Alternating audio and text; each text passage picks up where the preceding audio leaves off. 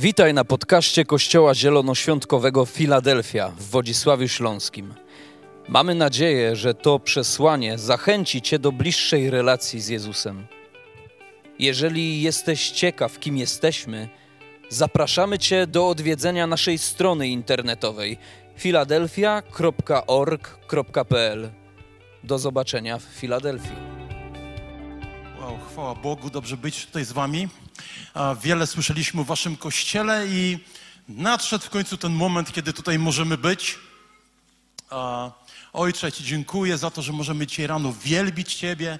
Dziękuję Ci za to, że wszyscy jesteśmy szczęśliwi tutaj, bo Ty jesteś z nami, bo Twój duch jest tutaj, bo Twój pokój na nas wstępuje. Dziękuję Ci, Ojcze, za ten błogosławiony czas. A tak jak pastor znakomicie zapowiedział mnie, jeszcze nigdy tak mnie nie zapowiedział, że jestem osobą niekompetentną i nieprzygotowaną. Dokładnie tak się czuję. Jestem facetem z Słupska, z ulicy Piekiełko. I, I tak się mniej więcej czułem przez dużą część życia. Piekiełko 12-13, dziwne rzeczy się tam działy za mojego dzieciństwa i w życiu bym sobie wtedy nie wyobraził, co może się wydarzyć. Wszystko, co Cię będziemy z Agatą powiadali, nie dlatego, że my genialni, tylko po prostu chwała Pańska się objawiła. A powiem Wam, że trochę jestem onieśmielony, za ilekroć stoję w kościołach. E, w kościele, nie wiem, wszyscy są tacy święci, ładni, czysto ubrani, tacy, wiecie, taka wysoka jakość. E, a my z Agatą bardzo często e, jesteśmy w miejscach, gdzie nawet pogoda nie jest za fajna. E, ponad 8 lat temu z Agatą założyliśmy kościół liczny w Gdańsku. Głosimy Ewangelię e, do ludzi, którzy nie wierzą w Boga i nie chodzą do kościoła. I rozstawiamy sprzęt na ulicy w Gdańsku, na Starówce. E, w zimie ludzi jest mniej, w lecie ludzi jest więcej. Na naszych letnich spotkaniach e, przewija się około 400 osób. Przez każde spotkanie e, głosimy w języku polskim, angielskim, niemieckim, dlatego że taka jest potrzeba. Ostatnio mój kolega nawet po kaszubsku próbował i też się znaleźli chętni. Jest to wielki przywilej być w tym miejscu, gdzie Królestwo Światłości łączy się z jest na styku z Królestwem Ciemności. To jest wielki przywilej, ale jest to też miejsce potężnego otarcia. Ktoś powiedział, że po angielsku to się nazywa, że to jest to miejsce where the rubber meets the road. I my lubimy osobiście być w takich miejscach. E, uwielbiamy te momenty, kiedy ktoś przychodzi, e, my osobę zaczepiamy, chcemy rozmawiać o Bogu. Facet mówi, że ja jestem niewierzący, a mówimy super, Bóg kocha osoby niewierzące. I kończy się tym, że kładziemy rękę na jego ramieniu, modlimy się, a facet ze łzami w oczach dziękuję, że się o niego modliliśmy. I to się dzieje co tydzień. Ostatnio mieliśmy 430 spotkanie, 430 wtorków pod rząd. Ponad, ponad rok składający się z, z samych e, wtorków. E, także lubimy trudne miejsca, bo, bo w, trudnych, w trudnych miejscach jesteśmy bardzo, bardzo słabi, a tam, gdzie my jesteśmy słabi, to Bóg jest mocny. I jedziemy za każdym razem. Super, ale to jest zdrowa reakcja, chwała Bogu. To jest zdrowa reakcja. Dzisiaj Wam zabierzemy Was e, w, w podróż e, do miejsca, w którym e, bycie chrześcijaninem, nie jest rzeczą taką prostą jak w świecie zachodnim. Czasami chodzimy do kościoła, robimy te wszystkie rzeczy, które robimy i lubimy, i nie, nie zdajemy sobie sprawy, jak wielki mamy przywilej, że możemy w takich warunkach E, żyć, mieszkać i operować. E, dzisiaj Wam opowiem o czymś, co przyniesie wiele smutku, co może nie będzie fajne, ale tak jak Paweł Godawa kiedyś powiedział, że wierzy w życie z otwartymi oczami. Musimy być świadomi, że gdzieś tam ludzie cierpią, że gdzieś tam ludzie głodują, a my możemy mieć wpływ, żeby ich życie wyglądało inaczej. W kwietniu 2017 roku, to jest wciąż z Agatą się zastanawiam, jak to możliwe. E, znaleźliśmy się w Pakistanie. Gdy popatrzycie na lo lokalizację tego kraju, Iran, y, Chiny, Indie, y, już wiadomo, że tam nie jest spokojnie. I my tam pojechaliśmy. Ja też tak jak, jak, jak, jak pastor zgodziłem się na ten wyjazd, który moja żona mi zaproponowała.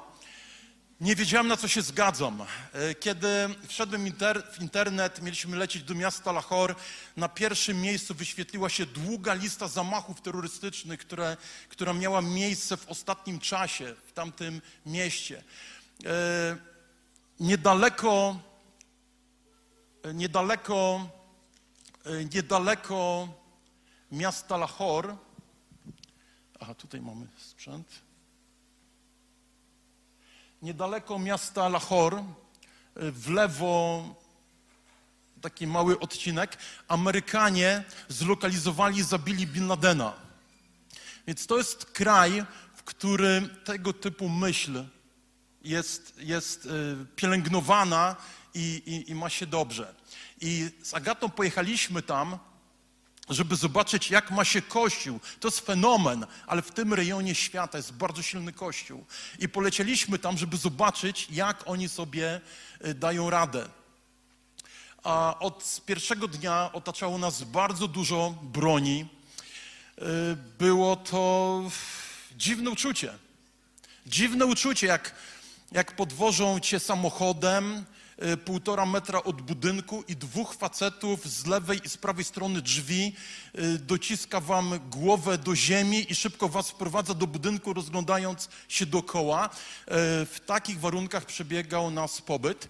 Z drugiej strony pastor, który nas zaprosił, powiedział, super, że przyjeżdżacie, zorganizujemy jakąś ewangelizację. I jechaliśmy przez dwie godziny samochodem gdzieś tam po ciemku do jakiejś wioski ciem, ciemnej, nie było żadnego oświetlenia, komórkami nam podświetlali e, drogę. Nie wiedzieliśmy, kto to jest, kto nas prowadzi i gdzie i jak to się skończy. E, tuż przed wyjazdem dostaliśmy całą masę ostrzeżeń e, od ludzi, którzy wiedzą, co tam się dzieje. Mówili nam tak, musicie być świadomi, że może być to podróż w jedną stronę. Uważajcie na snajperów. I tego typu e, ostrzeżenia otrzymywaliśmy. Bardzo się bałem pierwszego wyjazdu. Miałem kilka nieprzespanych nocy, gdzie czułem, że lecę na, na, na, na zderzenie ze ścianą i bardzo tego nie chciałem, e, ale rano się budziłem i, i, i Duch Święty mnie uspokajał i przekonywał, będzie dobrze, będzie dobrze. No i wprowadzają nas na scenę, Gata miała być tam głównym mówcą i zobaczyliśmy przed sobą 10 tysięcy ludzi nasz gospodarz powiedział: Zrobimy jakąś ewangelizację, jak pójdzie dobrze, zrobimy coś większego. Kiedy byłem tam w sierpniu, e, ostatniego dnia mówię do Johna, bo tak nasz partner ma na imię, e, mówię: John, pamiętasz, że cię na lotnisko musisz mnie odwieźć? On mówi: Ale ja myślałem, że ty jutro wyjeżdżasz. A ja mówię: 10 y, po północy to jest jutro, ale dzisiaj o 19 musisz mnie zawieźć. Mówi, ale dzisiaj jest ewangelizacja, a ty usługujesz. A, mówię, a kiedy zamierzałeś mi o tym opowiedzieć? On mówi, nie wiem, dni są tak zajęte, że nie było czasu. No i ja mówię, John, to słuchaj, niech jakiś pastor mnie zawiezie na lotnisko, a ty pojedź i usługuj. On mówi, dobrze. Następnego dnia dostaję informację, że przyszło 25 tysięcy ludzi i po tym spotkaniu założyli 15 zborów po 60 osób. To jest taki kraj. I ktoś mówi, jak to jest możliwe, że w tym samym kraju jedni wysadzają kościoły podczas nabożeństw, a w tym samym czasie organizowane są gigantyczne ewangelizacje, na które przychodzi, przychodzą tysiące ludzi. I odpowiedź jest taka, że Bóg jednym przysłania oczy, a dla drugich szeroko otwiera drzwi. Dlatego dobrze jest jechać z Bożą obecnością i z Bożą łaską, bo dzieją się wtedy rzeczy, czego, ucho nie, czego oko nie widziało i ucho nie słyszało. Takie rzeczy się dzieją. A to nie była największa ewangelizacja, o której e, słyszałem, dlatego że John a, niedawno zorganizował osiem spotkań pod rząd, tydzień, tydzień, za każdym razem w miejscu, gdzie nigdy do tej pory nie była głoszona Ewangelia I na każde z nich przyszło od 80 do 120 tysięcy ludzi. A największe spotkanie, które zorganizował, miało miejsce w Karachi, miasto w piątce najbardziej niebezpiecznych na świecie. Usługiwała ewangelistka Merlin Heike i na to spotkanie przyszło pół miliona ludzi. Nawracają się takimi liczbami, jak w dziejach apostolskich, tylko trzeba dopisać zero albo jeszcze dwa. Tak się nawracają. E, Kiedy lecieliśmy samolotem, samo, samolot już schodził, zobaczyliśmy całą masę kominów dookoła, e, z których wydobywał się gęsty dym. I był to widok bardzo złowrogi, bardzo nieprzyjemny. E, Wkrótce się dowiedzieliśmy, że, są, że te miejsca nazywają się fabrykami cegieł. I jest to, e, jest to miejsce, gdzie pracują niewolnicy. Dowiedzieliśmy się, że w Pakistanie 3 miliony ludzi nie ma prawa do samych siebie, służy komuś, a, i tą grupą są chrześcijanie. E, słyszeliśmy historie, w które nie chciało nam się wierzyć. Myśleliśmy, że te osoby, które nam opowiadają te rzeczy, robią nas w konia, żeby robi, zrobić wrażenie na nas, żeby nas, żeby nas szokować. Kiedy weszliśmy na stronę internetową, a każde słowo, które słyszeliśmy, y, miało potwierdzenie w postaci artykułów na, na, na stronach CNN, BBC, a nawet katarskiej Al Jazeera, która dała, podała bardzo szczegółowy raport tego, co się dzieje w fabrykach cegieł, o potwornej przemocy, o morderstwach na oczach pracowników, żeby zniechęcić do, do jakiegokolwiek buntów i na końcu napisali, że ofiarami w fabrykach cegieł są chrześcijanie. I pojechaliśmy do jednej z fabryk e, cegieł i zobaczyłem chłopców dwóch. E, jeden był bardzo poparzony, drugi też jest poparzony i ich niewidoma siostra odwracali cegły, układali cegły, lepieli, lepili e, cegły. E, Fabryki cegieł, jak tam, jak tam się dostaje? E, 50% Pakistańczyków nie ma bezpieczeństwa żywieniowego. Dzisiaj jedzą posiłek i nie wiadomo, kiedy następnym razem im się uda coś zjeść. Matka podaje dziecku mleko i nie wiadomo, kiedy następnym razem poda mu e, posiłek. I przepraszam. E, I na tle tego wszystkiego mają miejsce wypadki zdrowotne. Ktoś ma atak wyrostka robaczkowego, ktoś ma atak kamieni nerkowych, e, ktoś miał wypadek, samochód przejechał kogoś, ktoś spadł z dachu, złamał rękę, otwarte, otwarte złamanie.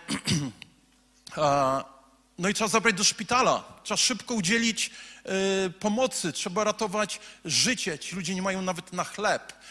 Wie, a szpital wystawia wysokie rachunki za leczenie, więc ci zdesperowani ludzie zgłaszają się do tych, którzy mają mnóstwo pieniędzy i bardzo chętnie je pożyczają. Bogaci właściciele fabryk cegieł.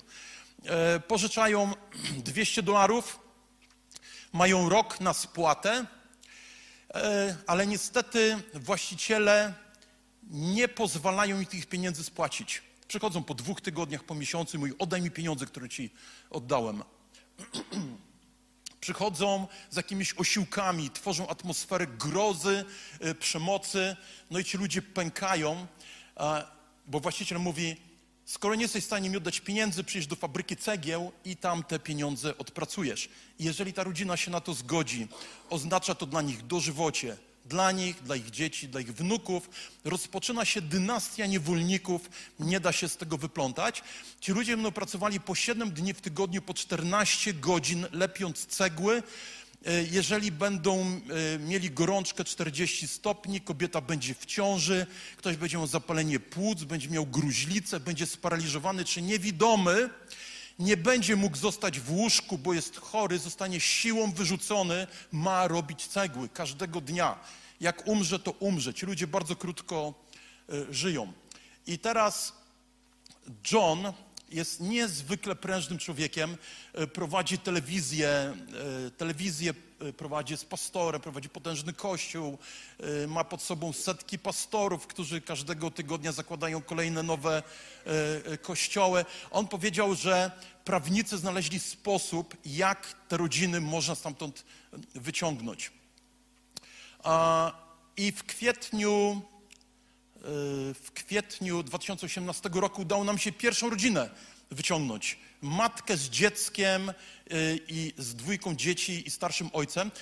Od 19 lat, dzień w dzień, po 14 godzin dziennie musiała kopać dwie tony gliny i mieszać z wodą i lepić w foremkach cegły.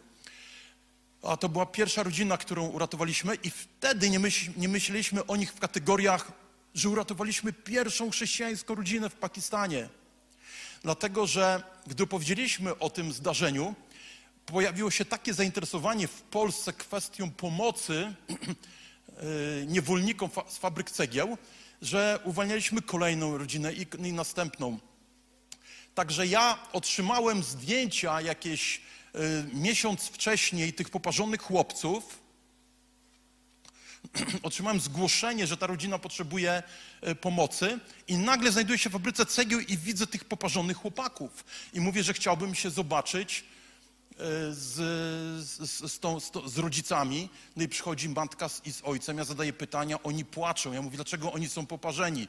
Oni płaczą i nic nie mówią. E, tłumacz mówi, nie powiedzą ci, bo wyjedziecie stąd, a ich skatują. I nic ci nie powiedzą. E, w każdym razie ci ludzie nie wiedzieli, że ich los jest już przesądzony, że jest zaplanowany. A jakieś dwa tygodnie później przesłałem pieniądze na, na wyciągnięcie tych ludzi. Oni nie wiedzieli o tym. Przyjechał pastor, przyszedł do właściciela i mówi, co sprawia, że ta rodzina tu musi pracować. A on mówi, oni pożyczyli kiedyś pieniądze, ale nie oddali tych pieniędzy. A on mówi, a ile tych pieniędzy było? No, pożyczyli 200 dolarów, ale niewystarczająco dużo pracowali. Teraz mają e, 2000 dolarów długu. Po 15 latach pracy, dzień w dzień, dług im rośnie. A ten pastor mówi, to w takim razie ja chcę te 2000 dolarów tutaj zostawić, chcę ich zabrać. I wtedy okazuje się, że ten właściciel wcale nie chce, żeby ktoś spłacał długi tych ludzi, dlatego że, wiecie, my dajemy 2000 dolarów, a ta rodzina dla niego zarabia 70 tysięcy dolarów rocznie. I oni nie chcą, żeby ktoś spłacał ich długi, ale my chcemy spłacać ich długi, bo kiedyś ktoś spłacił nasz dług. I, i ta rodzina y, tutaj się pakuje, są już wolni, są szczęśliwi, załatwiliśmy mieszkanie, załatwiliśmy im jedzenie, są pod opieką kościoła, mają swojego pastora. I otrzymaliśmy taki dokument, zawsze taki dokument otrzymujemy, podpisany przez prawników w, sąd, w sądzie Lahore, gdzie jest napisane, że mężczyzna, ponieważ y, nie wolno, według prawa pakistańskiego nie wolno pracować kobietom, kobietom w ciąży, chorym, dzieciom, mają znakomite prawo, które jest całkowicie niewydolne. Napisane jest, że mężczyzna z tej rodziny pożyczył pieniądze, ale nie był w stanie spłacić, więc trafił do fabryki tej i tej, ale tego i tego dnia pojawiła się osoba, która sprawia, że od tego momentu nie ciąży na nich żadne zobowiązanie finansowe. Ich list dłużny został spłacony. Czy coś nam to przypomina? My otrzymaliśmy życie wieczne, a możemy w drobny sposób odzwierciedlić miłość Chrystusa i podarować tym ludziom wolność. I taka ciekawostka, taki jeden dokument reprezentuje jedną uwolnioną rodzinę i na ten moment mamy 320 takich dokumentów. Ponad 1600 osób dostało nowe życie. E, I z Agatą jeździmy i odwiedzamy te rodziny. Odwiedzamy te rodziny i się przekonujemy, że jest to najlepsza rzecz, jaką można zrobić.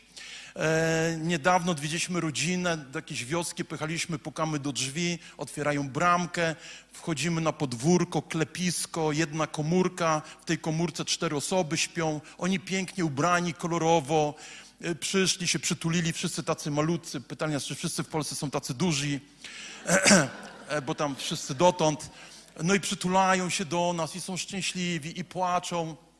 A ja pytam tego mężczyzny, mówię, a gdzie ty pracujesz? Jak ty na życie zarabiasz? On mówi, prowadzę własny stragan z owocami, z warzywami. A ja mówię, a gdzie? 20 kilometrów stąd. A mówię, to jak tam dojeżdżasz? Na motocyklu. A skąd masz motocykl? Kupiłem z pieniędzy, które zarobiłem na straganie. Także to, także to działa. I teraz tutaj widzicie kolejne stragany, ponieważ my dajemy tym ludziom pracę. Jeżeli są kumaci, to zakładamy im biznesy w postaci straganów z owocami, z warzywami.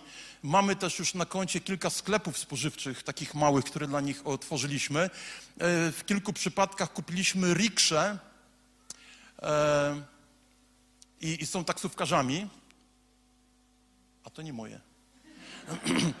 um, jednego slajdu tu brakuje fajnego. Dobra, opowiem wam. A dostaliśmy któregoś dnia zgłoszenie, że jest pewien chłopak w fabryce cegieł i dostaliśmy, dostaliśmy informację, żeby jak najszybciej tę rodzinę uwolnić, bo niedługo go zabiją. Powiedzieli nam, że ten chłopak codziennie pracuje po 14 godzin, a potem idzie i całymi godzinami głosi Ewangelię i mnóstwo ludzi się nawraca, doprowadza właścicieli fabryk cegieł do szału. Powiedzieli, niedługo go zabiją, ale on jest niezmordowany i powiedział, że nie przestanie, nawet jak go będą katowali, kroili, on będzie dalej głosił Ewangelię. I my tego chłopaka wyciągnęliśmy i to jest ten tutaj z lewej strony, ma na imię Zad. E, parę miesięcy potem na konferencji pastorów e, otrzymał, najpierw pracował w biurze kościoła, potem otrzymał własny kościół, E, kupiliśmy mu, e, kupiliśmy mu e, motocykl. W ogóle to jest ciekawa historia, ponieważ każdy z Was widział, jak się podróżuje w Indiach, w Pakistanie, autobusy oblepione ludźmi, pociągi. Jeżeli gdzieś chcecie jechać, to nie wiadomo, o której przyjedzie. Jak przyjedzie, to nie wiadomo, czy uda się wsiąść. Jak się uda wsiąść, to nie wiadomo, czy się uda wrócić. I wiecie, cała masa kłopotów y, tych transportowych. No i zaczęliśmy dostarczać pastorom y, motocykle. Y, każdy pastor prowadzi mniej więcej 16 kościołów. Może tak, 16 kościołów obsługuje od poniedziałku do czwartku rotacyjnie, a w piątki poświęcają na zakładanie nowych kościołów. Także mniej więcej każdy prowadzi 20 do 25 kościołów, a prowadząc cały czas ewangelizację. Także każdy motocykl to jest około Ewangelia głoszona do około 10 tysięcy ludzi miesięcznie. E, do tej pory dostarczyliśmy 47 takich motocykli e, i dwa e, samochody. Także ci ludzie mogą głosić Ewangelię. A to są właściciele fabryk cegieł, tak wyglądają. Ci, którzy biją rodziców na oczach dzieci, tych, którzy oblewają benzyną na oczach innych pracowników i podpalają, e, ci, którzy oblewają kwasem. To jest w ogóle niesamowite. Co chwilę otrzymujemy zdjęcia ludzi, którzy zostali obrani kwasem i za chwilę nie żyją. E, I dwa lata temu, w sierpniu, Pan Bóg mi pokazał, ja mówię, Boże, uwalniamy te rodziny, ale ich jest tak strasznie dużo, nie jesteśmy w stanie wszystkich wykupić, bo byśmy potrzebowali miliardy dolarów. Sprawy muszą tutaj ruszyć systemowo. Wie, co trzeba zrobić. I w nocy we śnie Pan Bóg im pokazuje, zacznie się spotykać z właścicielami fabryk cegieł i z wysoko postawionymi imamami. Ja mówię, nie ja, ja jestem ze Słupska, z ulicy Piekiełko. Ja się nie nadaję, ja nie jestem materiałem na męczennika, nie chcę. Ale rano się uspokoiłem i Duch Święty mnie obudziłem, Duch Święty mnie uspokoił i ja mówię, John, czy dałoby radę, żebyśmy się zaczęli spotykać z właścicielami fabryk cegieł? On mówi, spróbuję. Zobaczę, co da się zrobić. A, I pierwsze spotkanie. Jedziemy, jedziemy na spotkanie. Ja nie mam zielonego pojęcia, o czym mam temu człowiekowi powiedzieć. Mówię, Boże, ratuj. Przyjeżdżamy, on ze swoją świtą e, siedzi, my idziemy, siadam na, na, na, na krześle i nagle klika. I opowiadam mu o Polakach, którzy kochają swoje psy. I opowiadam mu, że w Polsce ludzie kochają swoje psy. Yy, całują, śpią z nimi w łóżku, zabierają do weterynarza, dobrze karmią. A oni mówią, to u nas tak nie ma. A ja potem mówię do niego tak, nie byłoby dobrze, gdyby dzieci w Pakistanie były traktowane gorzej niż psy w Polsce. A powiedział, to prawda. I Bóg mi zaczął dawać słowa, które trafiały do ich serc i, i zaczęli się otwierać. E, co prawda, mój tłumacz nie chciał kilku pytań przetłumaczyć, powiedział, jak chcę wyjść stąd żywy. E, ale potem się spotkaliśmy z następnym właścicielem e, fabryki cegieł i kolejnym. I były to trudne rozmowy, aż ostatniego listopada spotkałem się z czterema właścicielami fabryk cegieł naraz. Oni razem prowadzą około 20 fabryk, 20 cegielni i powiedziałem do nich tak, wprost. Oni siedzieli grzecznie jeden przy drugim i wiedzieli, że to, co ja mówię, jest ważne i powiedziałem, system, który sobie wypracowaliście w tym kraju, który tak znakomicie funkcjonuje w oczach opinii światowej, nazywa się niewolnictwem i stawia wasz kraj w jednym rzędzie z krajami trzeciego świata. Czy tego chcecie? Oni mówią nie. To ich przeraziło. Mówię, w takim razie musimy wypracować jakiś inny system, w którym wszyscy będą zadowoleni. Czy chcecie współpracować? Oni mówią tak. Amen. I gdy na początku John próbował umawiać spotkania, tylko jeden na około 30 właścicieli fabryk cegieł zgodził się rozmawiać bo prawdopodobnie nie miał aż tak dużo na sumieniu, reszta się nie zgodziła. Ci, z którymi teraz rozmawialiśmy, powiedzieli, że wprowadzą nas na spotkania, na których będziemy przemawiali do setek fabryk, fabryk, e, właścicieli fabryk cegieł naraz. Bo mają spotkania takie, takie wspólne. Czekamy na ten moment. W międzyczasie zaczęliśmy pracować z imamami.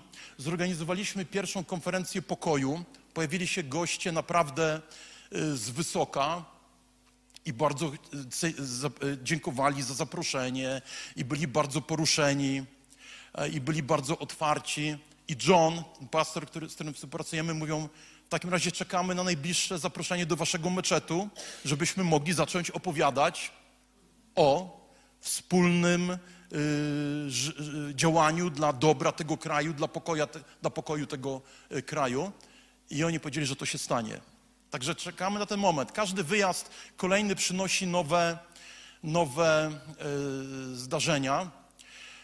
Y, to jest Szabas. Tydzień temu przemawialiśmy w kościele Betel w Ustroniu i dosłownie 15 minut przed naszą usługą dostaliśmy informację, że ten chłopak tuż po uwolnieniu rodziny został postrzelony i w stanie krytycznym znajduje się w szpitalu uwolnił rodzinę z, z grupą, jechali za nim, jechało za nim czterech mężczyzn, wyciągnęli pistolet, strzelili do niego, powiedzieli, to za bałagan, który nam robicie w fabrykach cegieł. E, ktoś go znalazł, on leży w śpiączce od tygodnia. Może pomodlimy się o niego teraz. Ojcze Wszechmogący, wołamy teraz o Szabasa, modlimy się o tych wszystkich dzielnych e, mężczyzn i kobiety w Pakistanie, którzy e, głoszą Ewangelię, którzy nie uginają się, którzy się nie boją, dla których opowiadanie o Tobie jest najważniejszą rzeczą i, i, i, celem ich życia. Modlimy się teraz o Szabasa, Panie. Niech Twój duch go wypełni, niech życie w niego wstępuje, niech, niech będzie uzdrawiany ze względu na Twoje święte imię. Amen. Amen. Ma dziewięciomiesięczne dziecko, dwa lata temu się ożenił. Jest jedynym żywicielem rodziny. A odnośnie odwagi, ja pytam Johna, mówię, John, czy ty się nie boisz, że kiedyś cię zabiją? A on mówi, każdego dnia biorę pod uwagę, że ja, moja żona i trójka moich dzieci możemy zginąć. Mówi, ale jest coś gorszego niż śmierć. To życie w strachu, i na to nigdy sobie nie, nie, nie pozwolimy. Mówi, nawet gdybyśmy zginęli, wiemy, gdzie spędzimy wieczność. Jak zaczniemy się bać, przegraliśmy. I mówi, nie ruszę się z tego kraju, dopóki Pakistan nie zmieni nazwy na Jezustan. A, I to nie jest tylko coś, co fajnie brzmi. Oni naprawdę mają to na myśli i oni tak, i tak żyją. A dobra, na koniec chciałbym wam puścić jeszcze krótki filmik e, związany z fabrykami cegieł, żebyście mogli zobaczyć, jak to wszystko tam wygląda, działa. Super, chwała Bogu.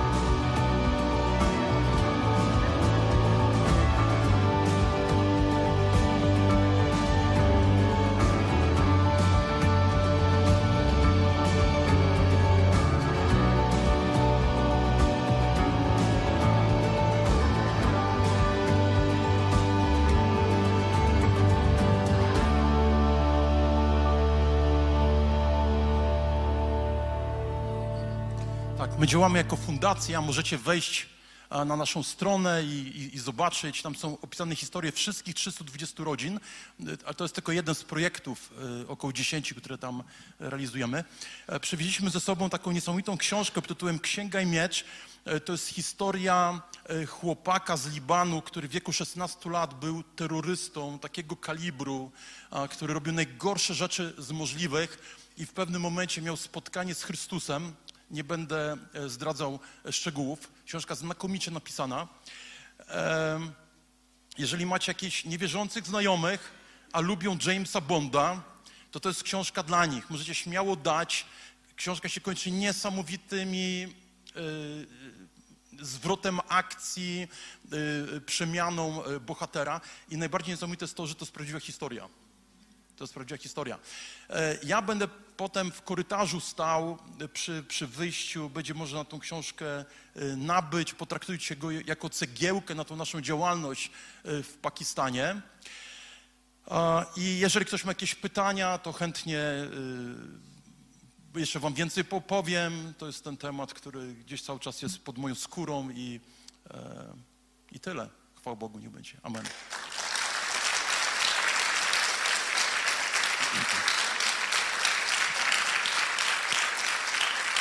A teraz zapraszam moją dzielną żonę. Niedawno jeden pastor ją zapraszał, mówi, a dzisiaj kazanie ma tłusta owca. Agata założyła, Agata założyła taki, yy, jak się nazywa?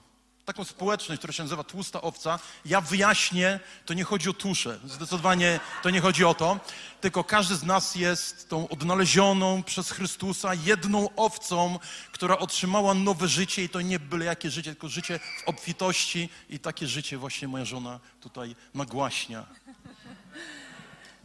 Amen.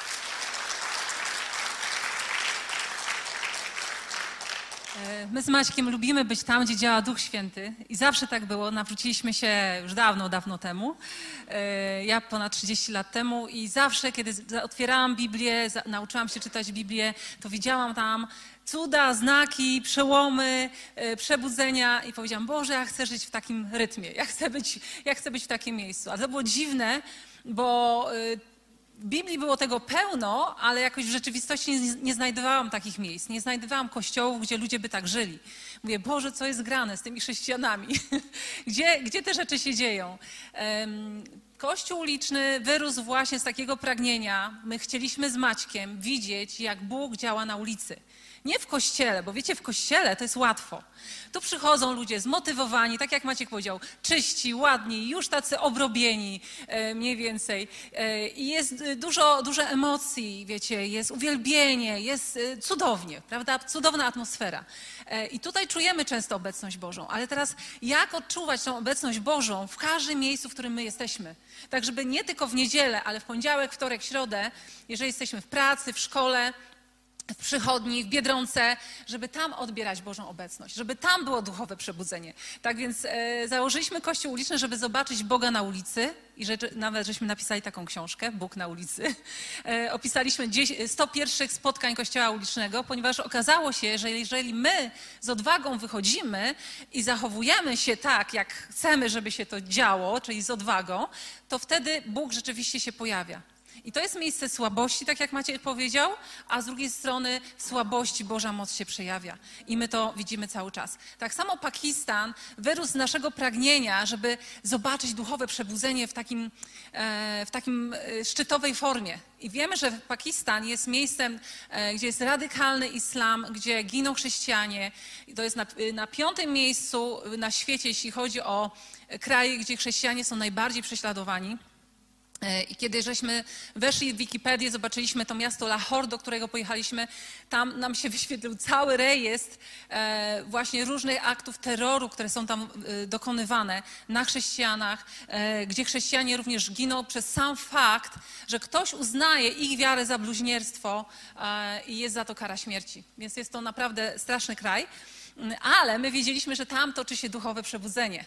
I my chcieliśmy zobaczyć z Maćkiem, jak to jest. Jak, jak, mnie to zawsze ciekawiło. Odkąd zaczęłam czytać Biblię, zaczęłam też czytać, śledzić e, i czytać różne książki o przebudzeniach, żeby jakby to DNA duchowego przebudzenia e, wyciągnąć i zrozumieć, jak Bóg działa i dlaczego Bóg działa w pewnych miejscach bardziej niż w innych. Bo tam działa niesamowicie i za chwilę Wam opowiem o, o cudach, które żeśmy tam doświadczyli. Ale mówię, Boże, my tam tego doświadczamy, ale jak to przenieść tutaj na Polskę? Ja tutaj chcę tego doświadczać. Przecież to nie jest tak, że Bóg bardziej kocha Pakistan niż Polskę, prawda? To tak nie jest. Bóg tak samo kocha nas i tak samo tutaj chce wylewać swojego ducha, tylko my w jakiś sposób jesteśmy bardziej oporni we współpracy z Nim. I to są moje wnioski e, tych kilku razy, kiedy byłam w Pakistanie, kiedy obserwuję poświęcony styl życia tamtych ludzi. Dzisiaj o tym Wam opowiem. Mamy z Maćkiem taki niepisany, ale bardzo praktyczny układ, że Maciek niesamowicie opowiada doświadczenia, e, to co przeżywamy, ilustruje pewne rzeczy, e, a ja bardzo lubię szukać w słowie jakby pewnych schematów, pewnych wzorów, być może dlatego, że fizykę studiowałam i wiecie, lubię wzory, lubię jakby takie formuły, które można wziąć i zastosować gdzie indziej. I oczywiście nie chodzi o takie głupie małpowanie tego, co ktoś robi, ale w Biblii, w Bożym działaniu jest pewien wzór. I kiedy my zaczynamy rozumieć, jakimi drogami Bóg chodzi, zaczynamy chodzić tymi, tymi samymi drogami, to dzieją się pewne rzeczy.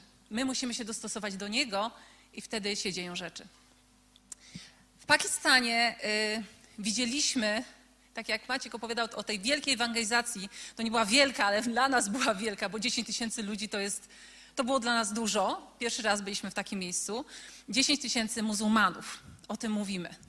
E, w Polsce na ulicy to było wyzwanie, żeby głosić do ludzi, którzy nas nie słuchają, którzy nas nie znają, nie szanują. Na ulicy nikt ciebie nie zna, więc przechodzą ludzie, i ty musisz, ty masz dwie sekundy, żeby zwrócić ich uwagę, żeby przyciągnąć ich uwagę do Ewangelii. Tam to byli ludzie, którzy nic nie wiedzą o Jezusie Chrystusie, którzy, którzy są muzułmanami, tak? Czyli jakby wiadomo, że jest pewien konflikt, jest duchowa wojna, która się toczy o umysła, umysły i serca ludzi. I tam widzieliśmy te tłumy, które przychodzą i, I, byliśmy zdumieni, bo kiedy głosiłam o Jezusie, o Bogu, który wysłał swojego syna i e, po to, żeby umarł za nas, po to, żebyśmy mogli być zbawieni, i, i obserwowałam ich reakcję, to byłam zdumiona, jak łatwo oni przyjmują Ewangelię. To jest zupełnie w sprzeczności z tym, co my czasami słyszymy w mediach, że muzułmanie to są ci ludzie tylko, którzy się lubią wysadzać i oni nienawidzą chrześcijan, oni zabijają chrześcijan. Oczywiście, takie ugrupowania i takie rejony są. E, I w Pakistanie niestety też e, no, działają, że tak powiem, takie, takie miejsca, e, są tacy ludzie, ale tacy zwykli muzułmanie są naprawdę głodni Boga. I na tej ewangelizacji, gdzie było 10 tysięcy ludzi, jak głosiłam Ewangelię, zapytałam na koniec, kto z was chce przyjąć teraz Jezusa Chrystusa jako swojego Zbawiciela? Już nie tylko proroka, bo oni wierzą jako proroka, ale jako swojego Pana. Kto chce teraz pójść za Nim? Niech stanie na swoje nogi. I nagle widzę, nie wiem ile procent, 80%, może 90%, nagle ludzi wstaje. Ja miałam uczucie, że wszyscy. E, I krótka modlitwa, i potem mieliśmy materiał e, filmowy, bo trudno to było zauważyć ze sceny, ale mieliśmy materiał filmowy i zdjęcia, jak ci ludzie przeżywali jak oni przeżywali tą modlitwę, jak Duch Święty ich poruszał. Nikt ich nie uczył, bo, bo oni nie przeszli jakiegoś szkolenia w kościele zielonoświątkowym, jak należy reagować na Ducha Świętego, że trzeba płakać, podnosić ręce. oni, nikt ich nie uczył tego, a oni tak się zachowywali. Po prostu płakali, klękali, podnosili ręce do góry. Dzieci nawet małe, po prostu zapłakane, trzęśli się pod mocą Ducha Świętego. My byliśmy zdumieni Myśmy zdumieni, bo to byli ludzie, którzy nigdy nie słyszeli, nigdy nie mieli styczności z Kościołem chrześcijańskim. E, zaraz po tym, e, zaraz po tym głoszeniu e, był czas na modlitwę o uzdrowienie, bo ci ludzie przychodzą na tę ewangelizację, ponieważ słyszeli, że Bóg chrześcijan uzdrawia i sami będą zdesperowani, bo nie ma, nie ma tam opieki zdrowotnej, publicznej, mm, nie mają pieniędzy na lekarzy, na lekarstwa, przychodzą w nadziei, że Bóg się ich dotknie. I nie nazywa się tego ewangelizacjami, tylko spotkaniem z uzdrowieniem, festiwalem modlitwy, w taki dosyć neutralny sposób po to, żeby można było tych ludzi ściągnąć, ale ci ludzie czekają na to, żeby Bóg ich uzdrowił. Tak więc y, żona pastora, która mnie y, tłumaczyła, zresztą niesamowicie mnie tłumaczyła. Ja nie jestem jakimś bardzo dynamicznym mówcą, e, ale wydaje mi się zawsze na ulicy, że udaje mi się przykuć uwagę ludzi, ale będąc tam, to ja byłam po prostu cienki bolek, bo po prostu to, jak, z jakim ona zapałem i entuzjazmem głosiła, jak ona się wydzierała, co ona ze sobą robiła, to ja po prostu byłam tam naprawdę tak w cieniu. E, w każdym razie ona mówi, teraz będziemy się modlić o chorych. I wiecie, jak, w jaki sposób pomodlić się o 10 tysięcy chorych ludzi? Jak to się robi? No nie masz czasu, żeby podejść do każdego i nawet na chwilę dotknąć ręką, więc przypomniałam sobie, jak Randy Clark to robi z konferencji e, i powiedziałam, słuchajcie, teraz będziemy się modlili. Jeżeli macie jakieś chore miejsce, e, macie jakiś problem w swoim życiu, to połóżcie rękę blisko tej chorej części ciała, e, albo na swoim sercu, albo na swojej głowie, bo teraz przyjdzie Bóg, przyjdzie Duch Święty i będzie was dotykał tam, gdzie jesteście. I modliłam się może ze dwie minuty, dwie minuty i pytam się ich, i teraz jeżeli się coś zmieniło w Twoim organizmie, jeżeli czujesz jakąś zmianę, jeżeli minął ból albo wróciła ruchomość kończyny, sprawdź to teraz, sprawdź, czy Bóg coś zrobił, albo już czujesz ulgę. Jeżeli to widzisz, to pomachaj do mnie. To też z y, Randy Clarka załapałam, jak to się robi. I nagle widzę, że ci ludzie, prawie wszyscy chyba machają do mnie. I wiecie, jestem drugi dzień w Pakistanie, ja do nich macham, oni machają do mnie i nie wiem, co jest grane. Nie wiem, czy oni są po prostu tacy mili, bo oni są bardzo mili, czy oni naprawdę są uzdrowieni. Bo się okazało, że nasza wiara z Maćkiem, pomimo tego, że my, wiecie, dużo widzieliśmy i czytaliśmy, to nasza wiara tam wymiękała, ponieważ działy się rzeczy o wiele większe, niż sobie wyobrażaliśmy. I nagle ten tłum macha do mnie i ja, mówię, ja nie byłam pewna. Mówię do tłumaczki, czy oni zostali uzdrowieni? On mówi, tak, wszyscy zostali uzdrowieni, bo ona to widzi co tydzień. E, I mówi tak, i teraz ci z was, którzy zostali uzdrowieni, chodźcie tutaj na scenę i opowiecie przed wszystkim świadectwo. Przed wszystkim świadectwo, przez mikrofon. I tam jest inaczej niż w Polsce, bo tam jak się tam tak powie, to oni wszyscy przychodzą na scenę. nikt się nie boi, nikt się nie wstydzi. I nagle widzimy, że biegnie tłum, biegną ludzie do sceny. Normalnie biegną, bo to, to są takie kraje. Oni nie chodzą, oni biegają. E, bo są tak po prostu dotknięci mocno. I wychodzą po kolei i składają świadectwa, mocne rzeczy. Wyszła kobieta, która trzy miesiące nie mówiła. Miała jakiś obrzęk, obrzęk krtani, także nie mogła nawet połykać jedzenia, mogła tylko płyny pić. Nie mogła mówić. I, i opowiada, i widzicie, o wszystkie osoby, które wychodziły, trzęsły się z emocji, płakały, mówiły w niesamowitej takiej. Yy, takim, takim przejęciu, że Bóg ich dotknął, że Bóg ich znalazł w tym wielkim tłumie. I, I ona opowiada, że po prostu podczas modlitwy nagle poczuła tutaj jakieś e, uwolnienie i zaczęła mówić i zaczęła mówić. I ona bardzo płynnie mówiła na tej scenie i po prostu płakała. Mówiła, że trzy miesiące nic jej nie pomagało. I nagle przyszła Boża obecność i po prostu pyk. E, wyszła kolejna kobieta. Mówiła, że 12 lat nie mogła chodzić była u różnych lekarzy, nie mogli jej pomóc. Przyniesiono ją na to spotkanie i to samo się stało. Podczas krótko, krótkiej, dwuminutowej modlitwy Duch Święty jej dotknął, tak, że sama przyszła na tą scenę i też płakała, była dotknięta. Po kolei osoby wychodziły, chyba po dziesięciu e, osobach ta tłumaczka powiedziała, ok, już wystarczy. A my chcieliśmy z Maćkiem więcej słuchać, więcej, więcej, żeby móc zapamiętać. Ale to, co nas dotykało, to to, z jaką łatwością ci ludzie przyjmują Bożą obecność, Boży dotyk. E, wiecie, nie tak jak w Polsce, u nas po prostu to myślenie jest tak mocno rozwinięte. A czy to Bóg, czy to nie Bóg, czy to mi się zdaje, czy to lekarze, czy to coś innego. E, I byliśmy bardzo dotknięci z Maćkiem, że że tam po prostu jakoś się to łatwo toczy. kiedy wróciłam do Polski, zaczęłam Bogu zadawać pytania. Boże, jak to jest, że tam się tak łatwo toczą te wszystkie rzeczy? jest duchowe przebudzenie i powstają te kościoły. Powstało kilka kościołów po, y, po każdej z tych ewangelizacji. My, jak za każdym razem tam jesteśmy, są nowe, nowe ewangelizacje organizowane, nowe spotkania. Jak to jest? Dlaczego my w Polsce nie możemy też mieć takiego duchowego przebudzenia? I ja naprawdę bym to chciała widzieć. My widzimy z Maćkiem coraz więcej, Bóg nas rozciąga i na pewno jest zmiana, na pewno też widzicie to, prawda? Przez ostatnie lata jest coraz więcej tego. y, rośnie nasze oczekiwanie i rośnie też Boża aktywność. E, ale, y, ale też, też jest pewna zależność, którą tam zauważyłam. Pomiędzy poświęconym stylem życia chrześcijan, którzy tam są, a tym, co się tam dzieje. To, jak, w jakim stopniu ci ludzie żyją w poświęceniu dla Boga, jest zupełnie nie, wy, nie do wyobrażenia tutaj w Europie. Po prostu my nawet sobie nie zdajemy sprawy z tego, że my żyjemy w takim ciepełku, w takim komforcie. Oczywiście mamy choroby, mamy zmagania finansowe, mamy zmagania w relacjach, to wszystko jest, ale tam też jest. Ale po prostu jest nam dobrze. My wracamy do domu zmęczeni po pracy, no i co? No trzeba zjeść, trzeba teraz obejrzeć sobie Netflixa albo jakiś inny sposób się zrelaksować. No to jest normalne, prawda? Zasłużyliśmy. Tam oni tak na to nie patrzą w ogóle, że oni mają jakiś wolny czas, oni nie mają wolnego czasu. Oni służą Bogu. Stopień poświęcenia swojego życia tam jest po prostu nieproporcjonalnie tutaj, niż tutaj w Europie.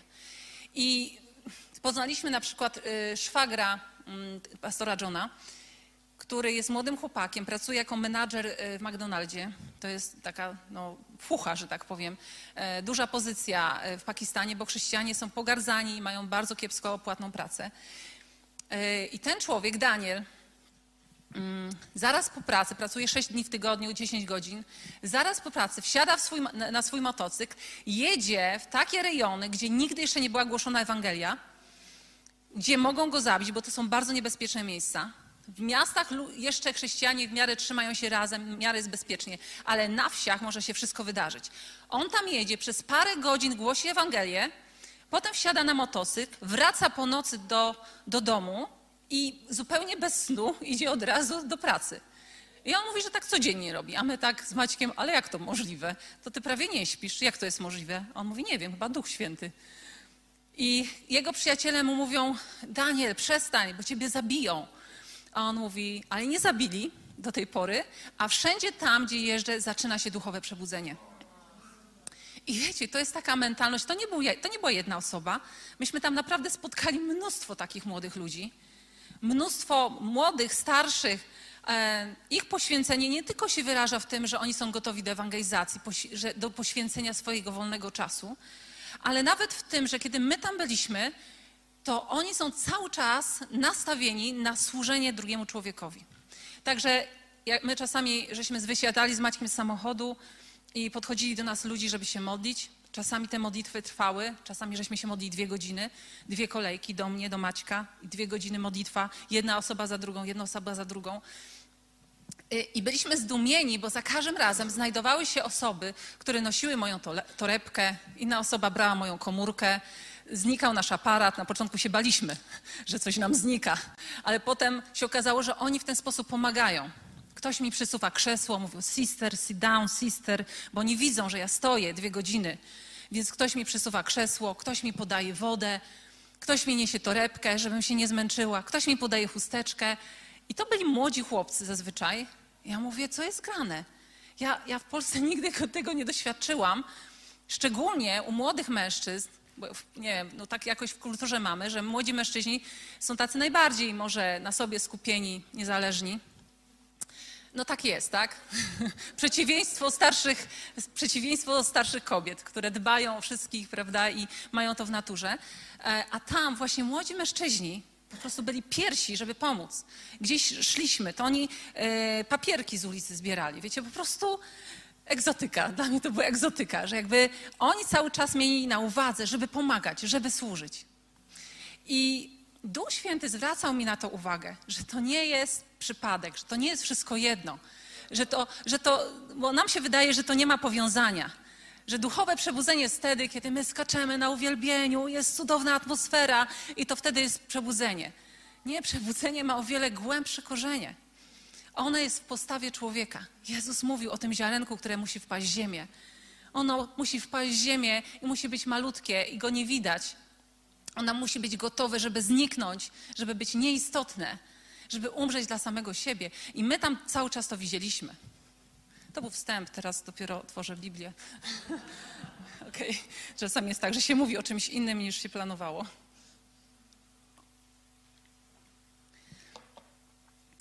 I teraz tak, mm, Pan Bóg mi zwrócił uwagę na osobę Jana Chrzciciela i chciałam tutaj chwilę przeczytać o nim, bo jest tutaj mm, taka, taki właśnie przepis, moim zdaniem, na duchowe przebudzenie. E, Zresztą jak czytasz takimi oczami, że chcesz znaleźć przyczyny przebudzenia, gdzie jest przebudzenie, Panie Boże, jak nas możesz ożywić, to wszędzie w Biblii się nagle otwierają jakieś cudowne fragmenty, które o tym mówią. Pierwszy rozdział Ewangelii Marka. Tu jest jakby taki skrót tego, co zrobił Jan. I wierzę, że to, co zrobił Jan i kim Jan był, jest w jakim sposób kluczem do przygotowania, przy, przygotowania przebudzenia również w naszym kraju. Bo Jan, on przygotowywał drogę. To była jego misja. Żeby Mesjasz mógł przyjść wcześniej, musiała być utorowana droga. I w naszym kraju Tutaj są akurat tereny niedaleko, gdzie było duchowe przebudzenie i wy tu macie jakiś posmak tego, ale generalnie w Polsce nie było jakiegoś takiego krajowego przebudzenia i tu musi być utorowana droga. Tu muszą być przekopane ugory, żeby coś mogło urosnąć. I Jan coś takiego zrobił przez swoją służbę. I teraz zobaczcie.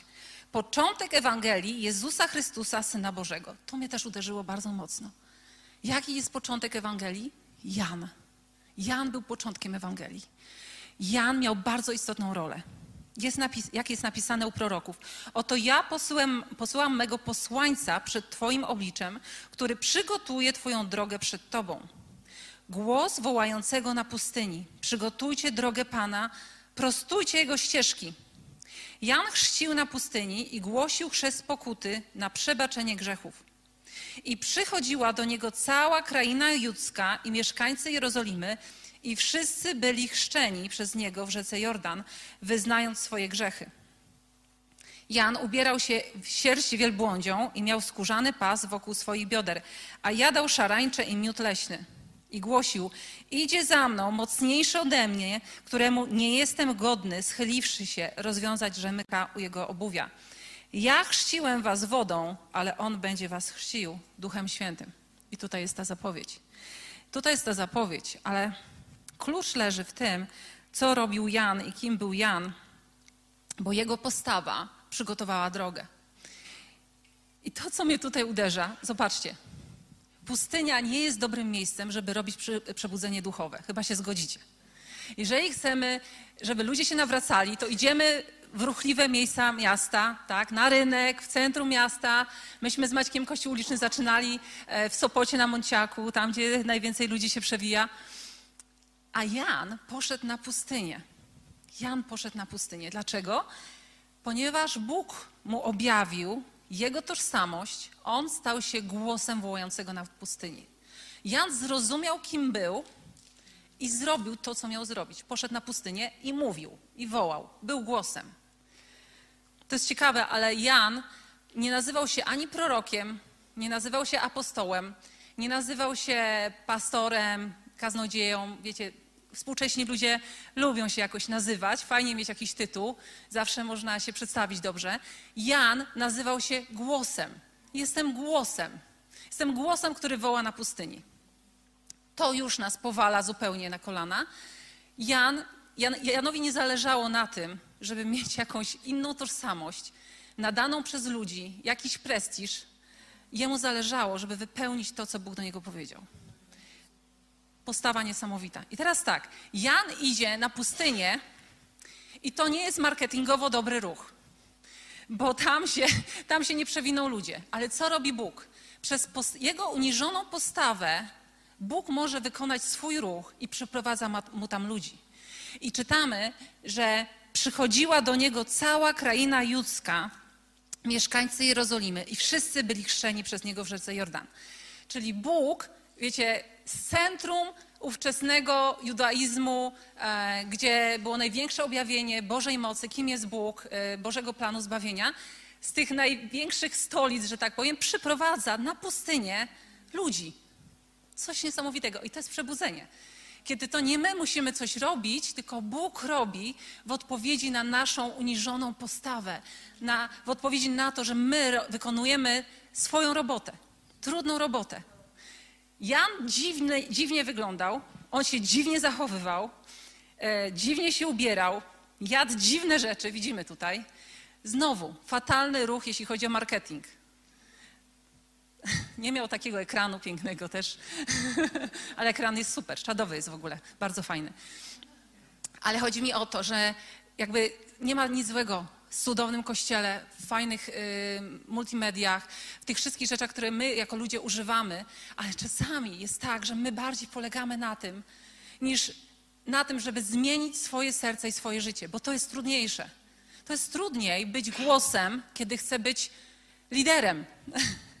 Trudniej być kimś, kogo nie widać i usunąć się na pustynię, niż wyjść na środek, na scenę i być głównym mówcą. To jest trudniejsze. I ja pamiętam, jak Bóg latami do nas mówił z Maćkiem, że mamy robić trudne rzeczy. Mamy robić trudne rzeczy i chodzić w trudne miejsca i docierać do trudnych ludzi. I ja pamiętam, że to było trudne słowo. To było trudne słowo, które żeśmy z Maćkiem otrzymywali, bo to nie jest w naszej naturze, żeby się poświęcać. I jest nam tak ciężko w życiu, że my chcemy trochę, trochę oddechu, trochę radości. A tymczasem chrześcijaństwo to niestety nie jest jedynie czas radowania się. To jest chodzenie za Chrystusem, a On poszedł na krzyż. A on chodził w trudne miejsca, robił trudne rzeczy i mówił trudne, wypowiadał trudne słowa. Więc nasza misja, nasze powołanie również jest trudne. I y, to, co jest też mocne, to Jezus, mówiąc o Janie, powiedział, że nie urodził się człowiek większy niż Jan. Tak oni powiedział. Czy nawet, to nawet nie były kategorie e, wiecie, że był pastorem, liderem, nie wiem, prorokiem, apostołem, bo jakiś, jakaś tam hierarchia w naszej głowie może nawet jest, kościelna. On był poza wszelkimi tabelkami, kategoriami. Jezus, oni powiedział, że był największym, który się urodził z kobiet. Ale co jest jeszcze powiedziane? Jedenasty rozdział Mateusza, jedenasty werset. Nie powstał z kobiet tych którzy się rodzą większy od Jana Chrzciciela, ale ten, kto jest najmniejszy w Królestwie Niebieskim, jest większy niż on. I wiecie, możemy podziwiać Jana i wyciągamy lekcje z jego życia, ale Jezus mówi, że jest coś jeszcze większego. Nie w prestiżu, tylko w uniżeniu i w służbie i w poświęconym życiu. Jest, coś, jest większy wymiar. I my jeżdżąc wcześniej, będąc na kościele ulicznym, e, wielokrotnie tego doświadczaliśmy, potem w Pakistanie też, takiej śmierci dla samego siebie. Kiedy nie chcesz tam iść, boisz się tam iść, nie wiesz, co masz powiedzieć, ale idziesz i to robisz. I, bo my, my jesteśmy przyzwyczajeni, wiecie, logicznie w Europie, robisz dopiero, kiedy wiesz, co masz zrobić. Tak? A tymczasem Bóg oczekuje posłuszeństwa, kiedy my nie wiemy. My nie wiemy i nie umiemy, a Bóg mówi rób. I kiedy ty to robisz, to dzieje się coś ponadnaturalnego. Ty jesteś w miejscu posłuszeństwa, a Bóg robi całą robotę pozostałą. I dzieją się, dzieją się wielkie rzeczy. Wielokrotnie z Maćkiem, kiedy żeśmy jeździli na ulicę, to był wtorek, myśmy pracowali zawodowo, do 15 w szkole uczyłam. Yy, już nie uczę, więc nie musicie współczuć, ale było ciężko. E, uczyłam w szkole, ładowaliśmy sprzęt na, e, na nasz samochód. Mm, czasami był tak załadowany samochód, że ja musiałam, nie było miejsca z przodu, musiałam siedzieć z tyłu, upchana między e, agregatem a jakimiś flagami. Dojeżdżaliśmy do Gdańska, rozładowywaliśmy ten cały sprzęt. E, zazwyczaj nikogo jeszcze wtedy nie było, to była 17 godzina, ludzie jeszcze byli w pracy, wolontariusze. I my we dwójkę to wszystko rozładowywaliśmy, tacy spoceni, umordowani, kiedy człowiek już ma ochotę po prostu zjeść zupę i zostać w domu pod kocem. I ty to wszystko rozładowywujesz, chwytasz za mikrofon, bo tam są ludzie, którzy chcą słyszeć Ewangelię, a ty nie wiesz, co powiedzieć i masz pustkę w głowie. I sobie zdajesz sprawę, co ja tym ludziom powiem w ogóle. Ale jesteś w miejscu posłuszeństwa. Pojechałeś tam, zrobiłeś to. Maciek się śmieje, że my nie, my nie, jesteśmy bohaterami, bo my woziliśmy sprzęt, więc wiecie, to się jakby nie liczy, to, to poświęcenie. Prawdziwymi bohaterami byli ci, którzy nie musieli tam być, a, a byli. My tam musieliśmy po prostu być, ale tydzień w, to, w, tydzień, bez względu na pogodę, bez względu na to, czy jest lockdown, czy nie, nie opuściliśmy ani jednego spotkania. Ani jednego. Policja przyjeżdżała, się dziwiła, że my jesteśmy na ulicy. Ale to było to miejsce, gdzie ty oddajesz swoje życie, gdzie ty nie żyjesz dla siebie, gdzie ty nie, nie czekasz, aż poczujesz, że duch ciebie gdzieś posyła. Tylko jesteś tam, gdzie są potrzeby, gdzie jest trudno, gdzie jest ciężko, gdzie nie wiesz jak, i wtedy następuje coś ponadnaturalnego, to na co czekamy. Tam jest duchowe przebudzenie. Tam się dzieją cuda. Dzieją się w nas i one potem też wylewają się na zewnątrz. E, mamy mnóstwo świadectw, które były związane właśnie z tym, że ktoś nie mógł, ale zrobił to. Dam tylko jeden przykład. Nasza koleżanka, która jest niesamowicie obdarowana proroczo, ale równocześnie dziewczyna z problemami, która cały czas zmaga się z depresją, regularna wolontariuszka mm, w Gdańsku, przyjechała kiedyś w takim stanie totalnego upodlenia. Czasami jesteśmy w takim stanie wewnętrznym, że po prostu nic nam się nie chce. I ona pomyślała tego dnia, nie, Boże, ja, ja nie mogę, dzisiaj nie pojadę, nie mam nic do zaoferowania tym ludziom. Ale Bóg mówi, jedź, masz tam być. I ona pojechała, taka wiecie, po prostu przeczołgana przez życie, taka po prostu umęczona i gdzieś stanęła z daleka. Być może nagrzeszyła, być może nie wiem, co tam się działo w jej życiu, czuła się niegodna. Stała gdzieś z daleka, pomyślała, Boże, to ja będę się tylko tam modlić o nich, z daleka. I stoi taka smutna, ale nagle przychodzi do niej jakiś człowiek, zupełnie obcy. I ona sobie zdała sprawę, że ma smycz, czyli, czyli jakby przyznaje się do tego, że jest liderem tego kościoła. I ta, ten chłopak do niej podchodzi i mówi tak, przepraszam, ja widzę, że ty jesteś bardzo smutna, czy ja ci mogę w czymś pomóc? Obcy człowiek, taki z ulicy. I ona sobie zdaje sprawę, zaraz, zaraz, ja jestem liderem kościoła, to ja powinna mu pomagać, a nie on mi. I ona mu zaczyna się tłumaczyć, mówi, tak, ja, ja pomagam tutaj, modlę się o ludzi, ale dzisiaj mam bardzo zły dzień. Dzisiaj jestem w takiej depresji, tak źle się czuję. E, zmagam się. I on mówi, ja cię rozumiem, bo ja też się zmagam z depresją. A ona do niego, to czy ja mogę się pomodlić o ciebie? A on mówi, to może najpierw ja o ciebie się pomodlę. Najpierw on się pomodlił o nią, potem ona o niego i ona potem zaczęła mówić Ewangelii, zaczęła mówić e, o Jezusie Chrystusie i on przyjął, przyjął Jezusa jako swojego Zbawiciela tam na ulicy. I ona potem, Kaśka mówi, Agata, Bóg się mną posłużył, kiedy ja byłam w takim stanie, że wydawało mi się, że ja po prostu nic nie zrobię. I Bóg mnie użył, użył mojej słabości. Ale ona była autentyczna, ona przyznała się, wiecie, ona była po prostu y, elastyczna w ręku Boga. I wiecie, i o tym właśnie mówię, że to, co się dzieje w Pakistanie, jest wynikiem, że ci ludzie dają się używać, że prowadzą taki, w takim stopniu poświęcony tryb życia, to nazywam zasiane życie. Życie zasiane to jest takie, kiedy ty bierzesz e, ziarenko swojego życia i nie boisz się, że wpadniesz w ziemię, decydujesz się, że wpadniesz w ziemię i niejako znikniesz, bo tak się dzieje. Znikasz wtedy, nie ma ciebie. Jest ciemno, jest ciasno, głucho pod tą ziemią i ciebie nie ma, ale ty oddałeś swoje życie Jezusowi. I wtedy się dzieje cud zmartwychwstania. I wtedy zaczyna się dziać ten proces, magiczny proces.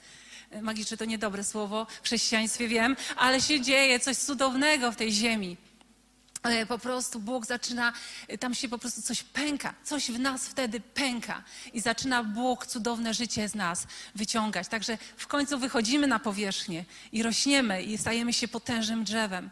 Potężnym drzewem. I o tym mówił Jezus. I kochani, podsumowując, to, co się dzieje w Pakistanie, nie jest cudowną opowieścią, żebyśmy my tutaj mówili, wow, super, w Pakistanie się dzieją rzeczy. To jest proroctwo dla nas. To jest proroctwo dla nas. Skoro tam się to dzieje, to tutaj też się to może dziać.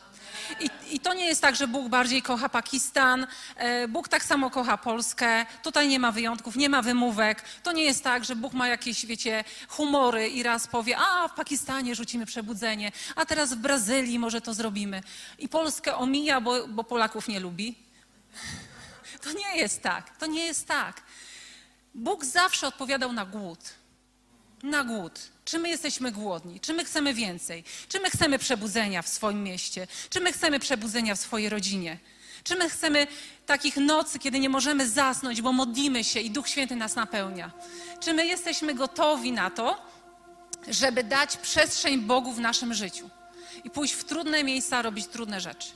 Bo od tego będzie zależało, czy Bóg będzie się objawiał przez nas. Czy Bóg będzie działał w nas i poprzez nas.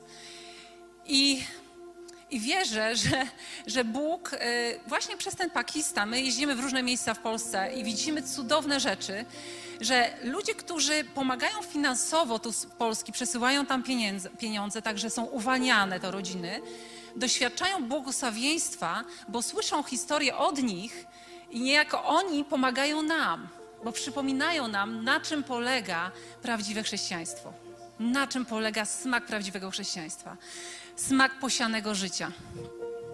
Kiedy ty oddajesz coś i decydujesz się robić trudne rzeczy, tak jak Jan, iść na pustynię, wyglądać jak głupek czasami, ale, ale ciebie to nie obchodzi, bo ty robisz to, co Bóg powiedział o tobie i stajesz się głosem i stajesz się tym, kim masz się stać.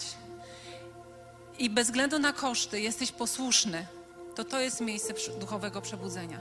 Każdy z nas ma inne to miejsce. Każdy z nas ma inne miejsce. Dla mnie takim miejscem był też internet. Ja wczoraj opowiadałam kobietom, że pokazanie mojej twarzy, yy, pokazanie to, jak, jak mówię, mojej gestykulacji i tak dalej, szminki na ustach, na tych, na zębach czasami, yy, to było miejsce takiego umierania, bo to nie było wygodne dla mnie, bo ja nie lubię i nigdy nie lubiłam sceny, reflektorów, e, takiego pokazywania się. Z natury jestem skryta i wolę ciche miejsca, ustronne miejsca. Ale Bóg mi powiedział, że mam to robić i to robię. Pokazałam swoją twarz i okazało, że ludzie potrzebują tego. Ludzie potrzebują, żebyśmy wyszli z tego ciemnego kąta, przestali się bać i zaczęli być po prostu sobą, zaczęli robić to, co do nas należy. Kiedy Bóg Ciebie namawia do czegoś, wierzę, że przez te opowieści, które Maćkiem, z Maćkiem żeśmy Wam y, teraz przedstawiali, Bóg, y, Duch Święty mówi do nas, przypomina nam to miejsce posłuszeństwa. Być może poświęć trochę więcej czasu Bogu, szukaj Jego twarzy. Być może Bóg Ci mówi o Twoich sąsiadach. Być może Bóg Ci mówi o nie wiem, ludziach w Biedronce. Biedronka to jest cudowne miejsce, gdzie, gdzie Duch Święty działa i tam jest dużo uzdrowień. E, widzieliśmy bardzo dużo wielkich rzeczy, kiedy jesteśmy nastawieni nie tylko, żeby kupić jakieś gofry, tylko wchodzimy i patrzymy, czy są jacyś chorzy, czy są jacyś smutni i wiecie, skanujemy Biedronkę i wtedy jest szansa, żeby Boża moc się objawiła. Takie nastawienie również jest poświęceniem się. To jest również posiane życie. Kiedy kiedy po prostu decydujemy się na to, żeby być może będzie niewygodnie, nieprzyjemnie, ale kiedy damy się użyć przez Boga, to widzimy, widzimy plon, widzimy przebudzenie, widzimy po prostu tą Bożą moc. E, I ta Boża moc, tak jeszcze raz to podkreślę, e, to nie jest tylko niedzielne nabożeństwo. To ma być codziennie. To ma być codziennie, tak jak czytamy w dziejach apostolskich. Codziennie Bóg święty, Bóg cudowny objawiał się, objawiał swoją moc przez uzdrowienie, przez zbawienie. Dołączali się ludzie, e, było wiele radości i Bóg chce, żeby to było naszą codziennością. Chciałabym się teraz pomodlić, kochani. Proszę, powstańcie.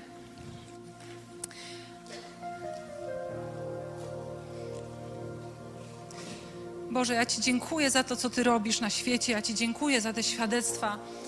Dziękuję Ci za to, że Ty nie jesteś ospały, Ty nie jesteś, Ty się nie wstrzymujesz, żeby okazywać swoją moc. Ty jesteś gotowy, żeby to zrobić, tylko czekasz na nas. Czekasz na naszą gotowość. Ja proszę Ciebie teraz, żebyś przypomniał nam te miejsca, w których my my byliśmy może właśnie ospali, myśmy się gdzieś wycofali. Zapomnieliśmy o tym, że nas posyłasz w trudne miejsca, gdzie się boimy, gdzie nie umiemy. I żeśmy się wycofali, bo czuliśmy się niekompetentni. Ale Ty zawsze używałeś niekompetentnych ludzi. To jest Twoja metoda. I my chcemy teraz być posłuszni. Chcemy iść za Tobą, baranku, a Ty poszedłeś na krzyż. Ty poszedłeś na krzyż. Pomimo, że się bałeś, to zrobiłeś to dla nas. I my chcemy być tacy sami, chcemy Ciebie naśladować. Pokaż nam, gdzie jest miejsce naszej śmierci, gdzie jest miejsce naszego poświęcenia, gdzie jest nasza pustynia, tak żebyśmy mogli uniżyć się przed Tobą i uznać, że prawdziwie jesteś Panem. Proszę, przypomnij nam. Może z kimś się musimy pogodzić, może komuś musimy wybaczyć. Może mamy zrobić kanapki i pójść gdzieś e, na rynek. Może, może mamy skanować tą biedronkę i po prostu próbować się modlić o ludzi. Może Ty nam mówisz już coś od wielu miesięcy czy nawet lat, a my się boimy i wstrzymujemy. Ja modlę się teraz, Duchu Święty, żebyś uwolnił, uwolnił swoją moc nad nami. Żebyśmy przestali w końcu się wymawiać, tylko żebyśmy robili to, co do nas należy. Żebyśmy przestali czekać na jakiś znak szczególny z nieba, na jakiegoś anioła, który się pojawi w naszej sypialni, tylko żebyśmy brali na poważnie Twoje słowo, tak jak zrobił to Jan. On czytał proroctwo, czytał Izajasza i zidentyfikował się, że jest głosem, który ma wołać na pustyni i zrobił to. I zrobił to. I tak rozpoczyna się Ewangelia o Jezusie Chrystusie tak się rozpoczyna historia, historia życia. My chcemy teraz ponownie oddać swoje życie Tobie, oddać swoje, swoją przestrzeń, swój dom, finanse, e, wolny czas. Chcemy poddać to Tobie, żebyś Ty mógł to, tego używać na swoją chwałę. Na swoją chwałę. Modlę się o to w imieniu Jezusa Chrystusa. Amen. Amen.